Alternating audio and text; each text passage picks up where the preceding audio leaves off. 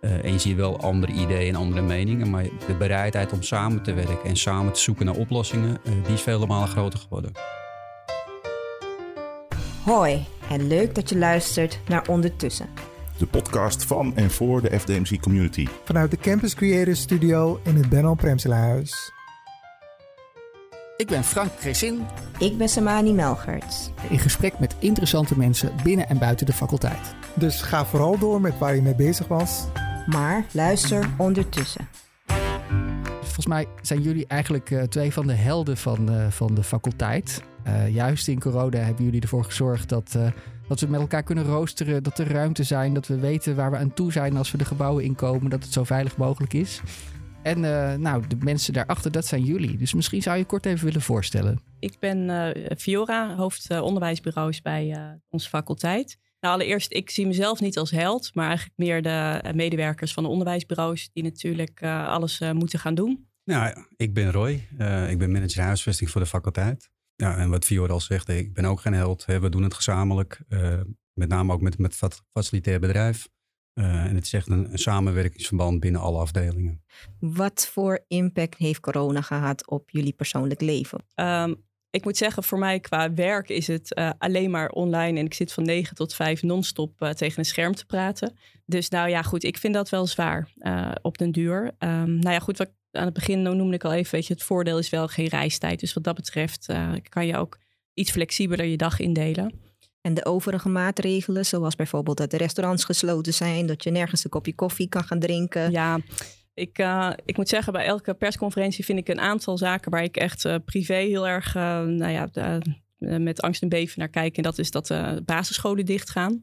maar dat was natuurlijk ook, je zit in crisis in het werk. Dus je moet heel snel schakelen, veel beslissingen nemen, veel overleggen met elkaar. En dan heb je een kleintje rondlopen van vier die dat niet helemaal door heeft en niet mama lekker met rust laat. Dus dat, die combinatie vond ik echt heel zwaar. Dus ik hoop dat we dat niet meer gaan meemaken. Roy, wat voor impact heeft corona op jou gehad in jouw uh, persoonlijk leven? Nou ja, het thuiszitten. ik ben echt niet een thuiszitten. Dus dat was voor mij nou, enorm wennen. De eerste paar weken werd ik nou een klein beetje geïrriteerd, gestrest en geërgerd eigenlijk. Mijn vrouw werkt zelf bij studentzaken. Dus we hebben de ruimte, of tenminste het huis hebben opgeknipt in tweeën. Zolder is van haar.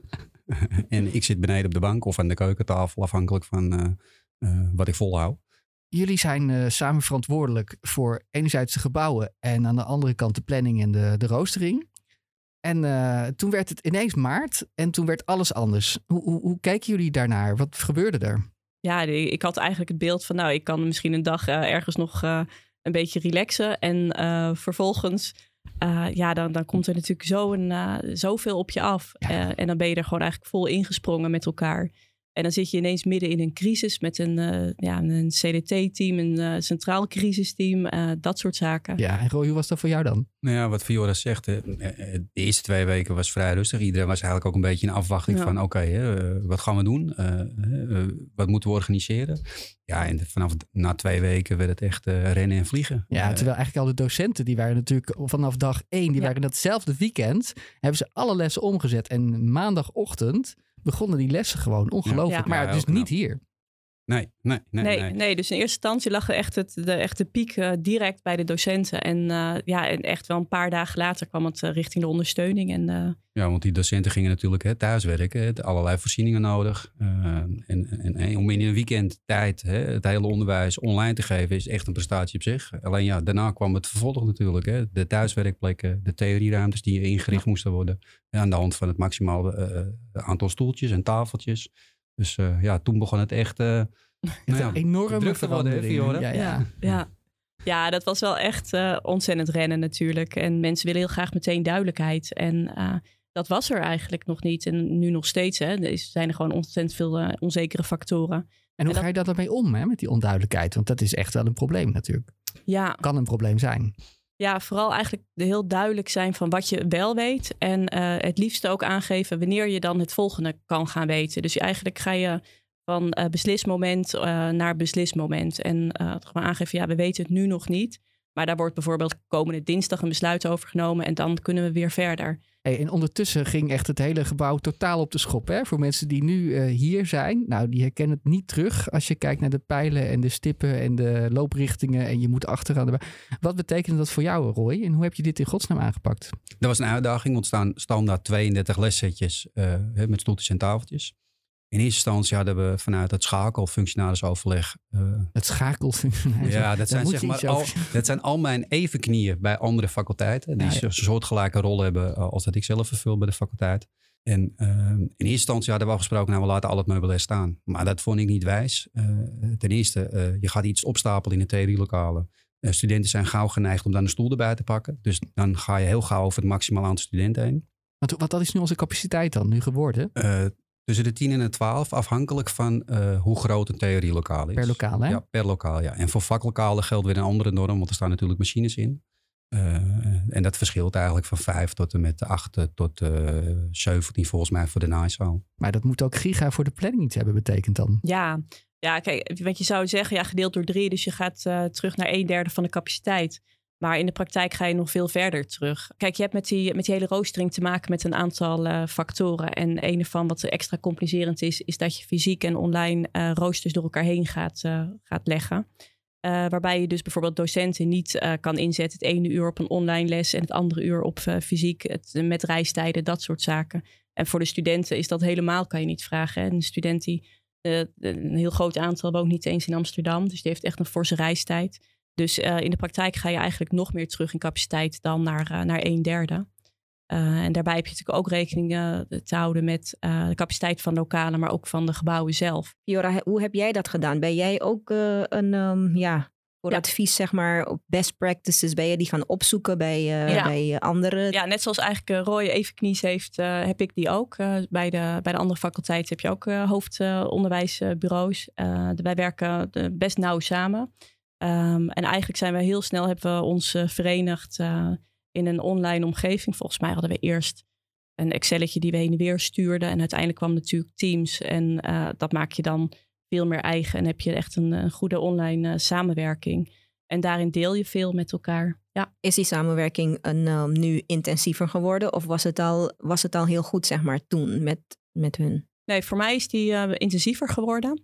Um, omdat je eigenlijk nog meer dezelfde vraagstukken hebt uh, met elkaar. En eigenlijk elkaar ook nog meer nodig hebt uh, op heel veel vlakken. En ik denk met Roy dat dat bij jou ja, uh, ook zo is. Ja, alleen niet intensiever, maar wel meer de bereidheid om samen te werken. Hè? Ja. Wat Fior al in het begin aangaf. je zit in hetzelfde schuitje. Uh, en je ziet nog wel, hè, omdat de faculteiten natuurlijk qua onderwijs verschillen van elkaar, uh, zie je wel andere ideeën en andere meningen. Maar de bereidheid om samen te werken en samen te zoeken naar oplossingen, uh, die is vele malen groter geworden. Hey, en als je kijkt, wat zijn nu nog de grootste knelpunten die jullie ervaren? Ja, ik denk wat, wat Fiore aangeeft, het, het, het ruimte tekort, gebrek, hè, door allerlei oorzaken, omdat je maar met minder studenten in een lokaal kan zitten. Maar ik denk dat de, het grootste, de grootste bottleneck is eigenlijk het praktijkonderwijs. Ja. Dat is echt enorm moeilijk om dat vorm te kunnen geven. Hè, zowel voor, uh, uh, aan de hand van de ruimtes, hè, de machines die je hebt, de specialistische uh, apparatuur mm -hmm. waar je uitleg aan moet geven als docent zijde. Ik praat en ik denk nu even als een docent.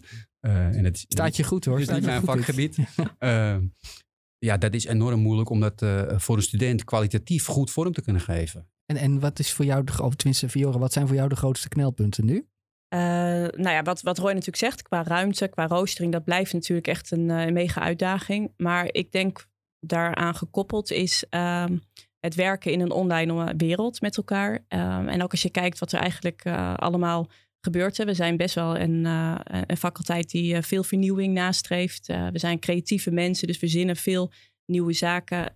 tegelijkertijd met GGO, er komen ja, goed veel, georganiseerd onderwijs. Ja, goed georganiseerd onderwijs. waarbij we natuurlijk naar een optimalisatie van, van het organiseren van onderwijs streven. Um, waarbij nieuwe systemen um, aangekocht gaan worden en geïmplementeerd, nieuwe processen. onderwijsvernieuwing, dat soort zaken. Dus er komt best wel uh, het een en ander op ons af. Wat we moeten gaan organiseren in die online samenwerkomgeving. Zijn er nu ook dingen waarvan je denkt, die wil ik uh, misschien wel behouden straks als het weer normaal is? Um, nou ja, ik denk uh, wat we in ieder geval wel op een bepaalde wijze kunnen gaan behouden, is het toch flexibeler omgaan met thuiswerken. Um, we merken wel dat ondanks dat we natuurlijk tegen grote uitdagingen aanlopen, uh, sommige medewerkers eigenlijk ook heel blij zijn met thuiswerken. Maar ik zal er wel een lans voor willen breken om thuiswerken wel te minimaliseren. Ja. Minimaliseren? Uh, thuiswerken, ja, want ik merk nu toch wel dat, je, dat de, binding echt, het, het gaat ten koste van de binding en, uh, en de goede, ja, eigenlijk ketenoverstijgend uh, denken en werken met elkaar. Ik zie hier vier mensen in de studio knikken. Roy, herken je dat? Ja, en ik denk ook, wat, wat Fiora aangeeft, als je zeker een, een team hebt, uh, dat de binding uh, belangrijk is. Uh, het samenwerken, het van elkaar leren. ik denk ook dat het sterk afhankelijk is van de functie die je bekleedt binnen het onderwijs. bij de ene functie kan het wat makkelijker dan bij de andere. en dat merk je nu ook, hè, dat je die binding en het contact een beetje begint te verliezen. En ik kan me voorstellen dat docenten met studenten, dat het daar nog veel erger is. Ik zie wel kansen om extra ruimte te creëren als we het standaardonderwijs meer online doen. Waardoor je meer uh, mixons op de campus en in je gebouwen kan creëren. Waar je wel die community building kan doen. dus docent, student bij elkaar samenwerken, van elkaar leren. Ja, nog een bewustere keuze maken van waarvoor gaan wij onze schaarse ruimte inzetten. Ja. En uh, wat kan online. Ja. ja. Nou, Viora, even terug naar het uh, onderwerp roostering. Um, ik heb in de wandelgang gehoord dat er een nieuw roostersysteem komt ja, de vraag die mij als eerste, zeg maar, die bij mij als eerste opkomt, is: uh, ja, waarom komt er een nieuw uh, roostersysteem? Werkt deze niet goed? En uh, ja, wat gaat er precies veranderen? Kan je daar iets meer over vertellen? Ja, natuurlijk. Ja, het, de hele wens van een nieuw roostersysteem is eigenlijk ingegeven door um, dat wij andere wensen of eisen hebben aan, vanuit het onderwijs qua flexibilisering, qua regelruimte voor docenten en studenten. Uh, wat we bijvoorbeeld zien is dat er een wens is voor studenten om, om zelf ruimtes te kunnen boeken. Uh, andersom wil je ook kijken of studenten makkelijk zich kunnen aanmelden op vakken, persoonlijke roosters, dat soort zaken. Qua implementatie, hoe dat gaat, is we gaan het in twee fases doen. Ook natuurlijk omdat we nu in, in deze coronasituatie minder makkelijk zo'n implementatie kunnen organiseren. En het heeft gewoon wel grote impact natuurlijk op, op processen en werkwijzen en koppelingen tussen systemen en dat soort zaken. Um, zal de eerste fase zijn een, een, technische implementatie. Dus dat betekent dat de roosteraars wel met het nieuwe systeem gaan werken. Maar dat we de echte voordelen uh, daar nog niet van kunnen plukken. Behalve dan dat het systeem wel makkelijker werkt voor de, voor de roosteraars, uh, is het idee. Uh, de tweede fase, dat zou dan ook andere processen betekenen. Een koppeling met bijvoorbeeld het, het CIS voor persoonlijke roosters, dat soort zaken.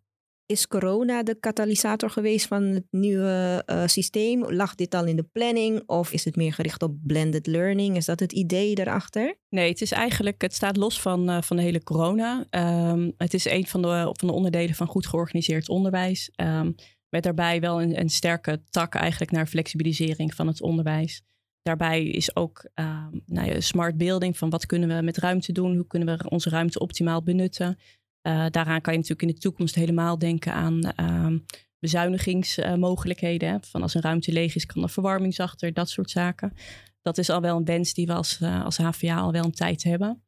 En eh, zo'n nieuw roostersysteem is daar een van de ehm, hulpstukken voor. En Roy, hoe ben jij hier aan verbonden en, en hoe kijk jij naar het nieuwe systeem? Ja, dat is gekoppeld aan een stukje uh, verduurzaming, ook van je gebouwen, uh, vergroening van je gebouwen. Uh, dus ja, ik ben een groot voorstander van smart buildings. en zeker als we daar de ruimtes qua verbruik, energie, gas, licht, gas allemaal verder, kunnen verlagen. En daarmee ook ja, goed voor het milieu bezig zijn. En daarbovenop komt nog een stukje besparing, wat je dan weer in het onderwijs kan stoppen. En natuurlijk de echte winst is als we onze ruimte zo goed mogelijk kunnen gebruiken. Want als ik iets hoor sinds ik hier ben, is we hebben te weinig ruimte, we, gaan eruit. Hè? Hoe kijk jij er tegenaan, Roy? Ja, dat klopt. Hè. Dat is uh, het inpassingsplan binnen de.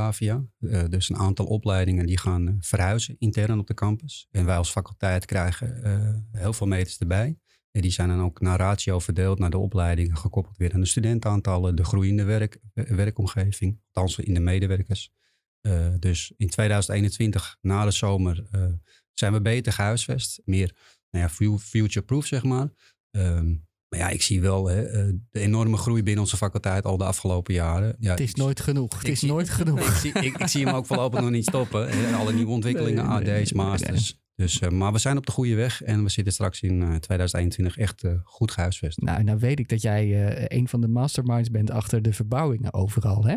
Kijk je nou ook ergens echt nog naar uit? Nou ja, met name het inpassingsplan. En eigenlijk waar ik het meeste naar uitkijk is straks de vernieuwingen. Hè? De, één, de nieuwe opleidingen. De, twee, de nieuwe soort type ruimtes die we straks in de toekomst nodig hebben. Je noemde mixed zones al? Ja, mixed zones. Maar ik zie ook, en dat hoor ik ook bij uh, alle opleidingsmanagers, uh, uh, de andere manier van onderwijs geven. Hè? Dus de standaard theorielokalen. COCB is daar al een voorbeeld van. Hè? Daar hebben we nieuw meubilair.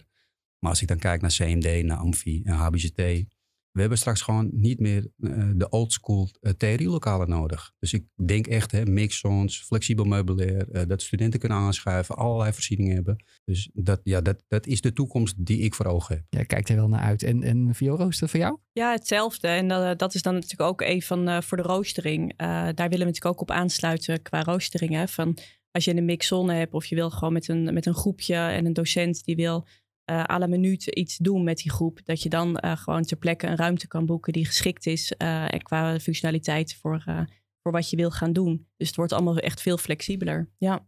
Hey, dan Fiora, iets anders nog, iets persoonlijks. Want jij hebt ons mede door deze crisis geloodst, maar jij gaat iets anders doen. Ja, ja dat klopt. Ik word vanaf half januari afdelingshoofd bij Bol FS. Um, ja, het is dubbel. Ik vind het geen goed moment om, om die overstap te maken. Ik er is nog heel erg veel te doen. Nog heel veel uh, nou ja, open, open einde, zou ik maar zeggen. Maar het is ook wel een hele mooie kans. En ik denk dat ik uh, vanuit mijn, mijn, kennis vanuit de faculteit uh, een goede toegevoegde waarde kan zijn bij de diensten. En ik denk dat wat je daar gaat doen, dat we niet alleen onze faculteit helpen, maar eigenlijk alle faculteiten van de HVA. Ja, dat is wel mijn plan. Stel dat nou straks corona is afgelopen, hè? of we hebben een vaccin of een behandeling of een combinatie. Wat gaan jullie dan als eerste doen als alles weer mag? Ik ga naar, uh, naar het café, denk ik. Uh, leuk met vrienden borrelen en uh, zonder angst, weet je, gewoon lekker dicht bij elkaar kunnen komen. En misschien dansen ergens, dat mis ik sowieso heel erg. Ja, dat geldt wel voor mij ook een beetje. Dingen met, met de vriendengroep, een goed feestje geven. En ja, gezellig samen zijn, elkaar weer nou ja, knuffelen is te groot woord, maar in ieder geval hè, gewoon weer lekker bij elkaar en elkaar ontmoeten. We zijn een beetje aan het einde gekomen van deze aflevering van Ondertussen. Uh, ik wil jullie als gasten heel erg bedanken. Niet alleen voor je aanwezigheid, Roy en Viora, maar ook voor het ontzettend grote werk dat je de hele tijd voor ons verzet. Dankjewel. En we willen natuurlijk ook jullie bedanken voor het luisteren naar Ondertussen. We kijken uit naar de volgende twee gasten die we mogen interviewen. Mocht jij iemand weten of iemand willen horen, dan uh, ja, staan we daarvoor open. Tot ziens.